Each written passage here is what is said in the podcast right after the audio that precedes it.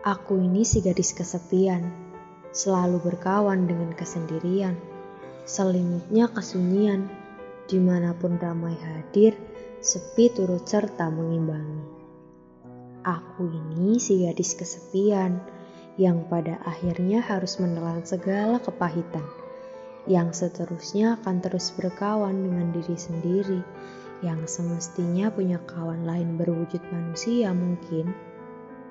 Aku ini si gadis kesepian, entah raga mana yang akan menemaniku atau jiwa mana yang akan merasukiku. Aku ini tetap gadis yang akan kesepian. Mungkin saat menciptakanku, Tuhan kehilangan senyumnya hingga lupa memberiku tawa lewat keramaian.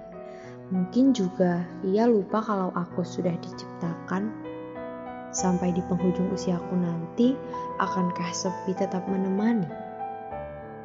Lalu matahari terbenam, banyak sapa yang mengunjungiku.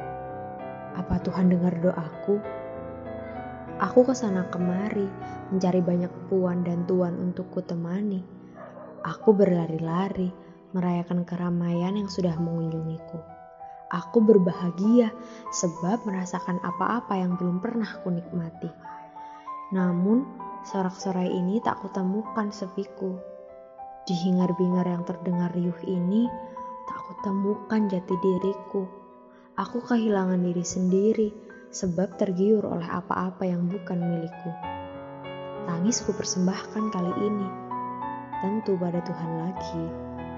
Aku mau sepi, ia lebih mengerti aku dalam hal apa pun.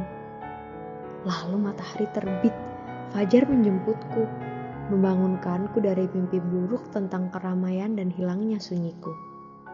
Sudah ya, apa pun dan bagaimanapun, aku ini tetap gadis yang mencintai kesendirianku. Biar aku seperti ini, jadi diriku sendiri.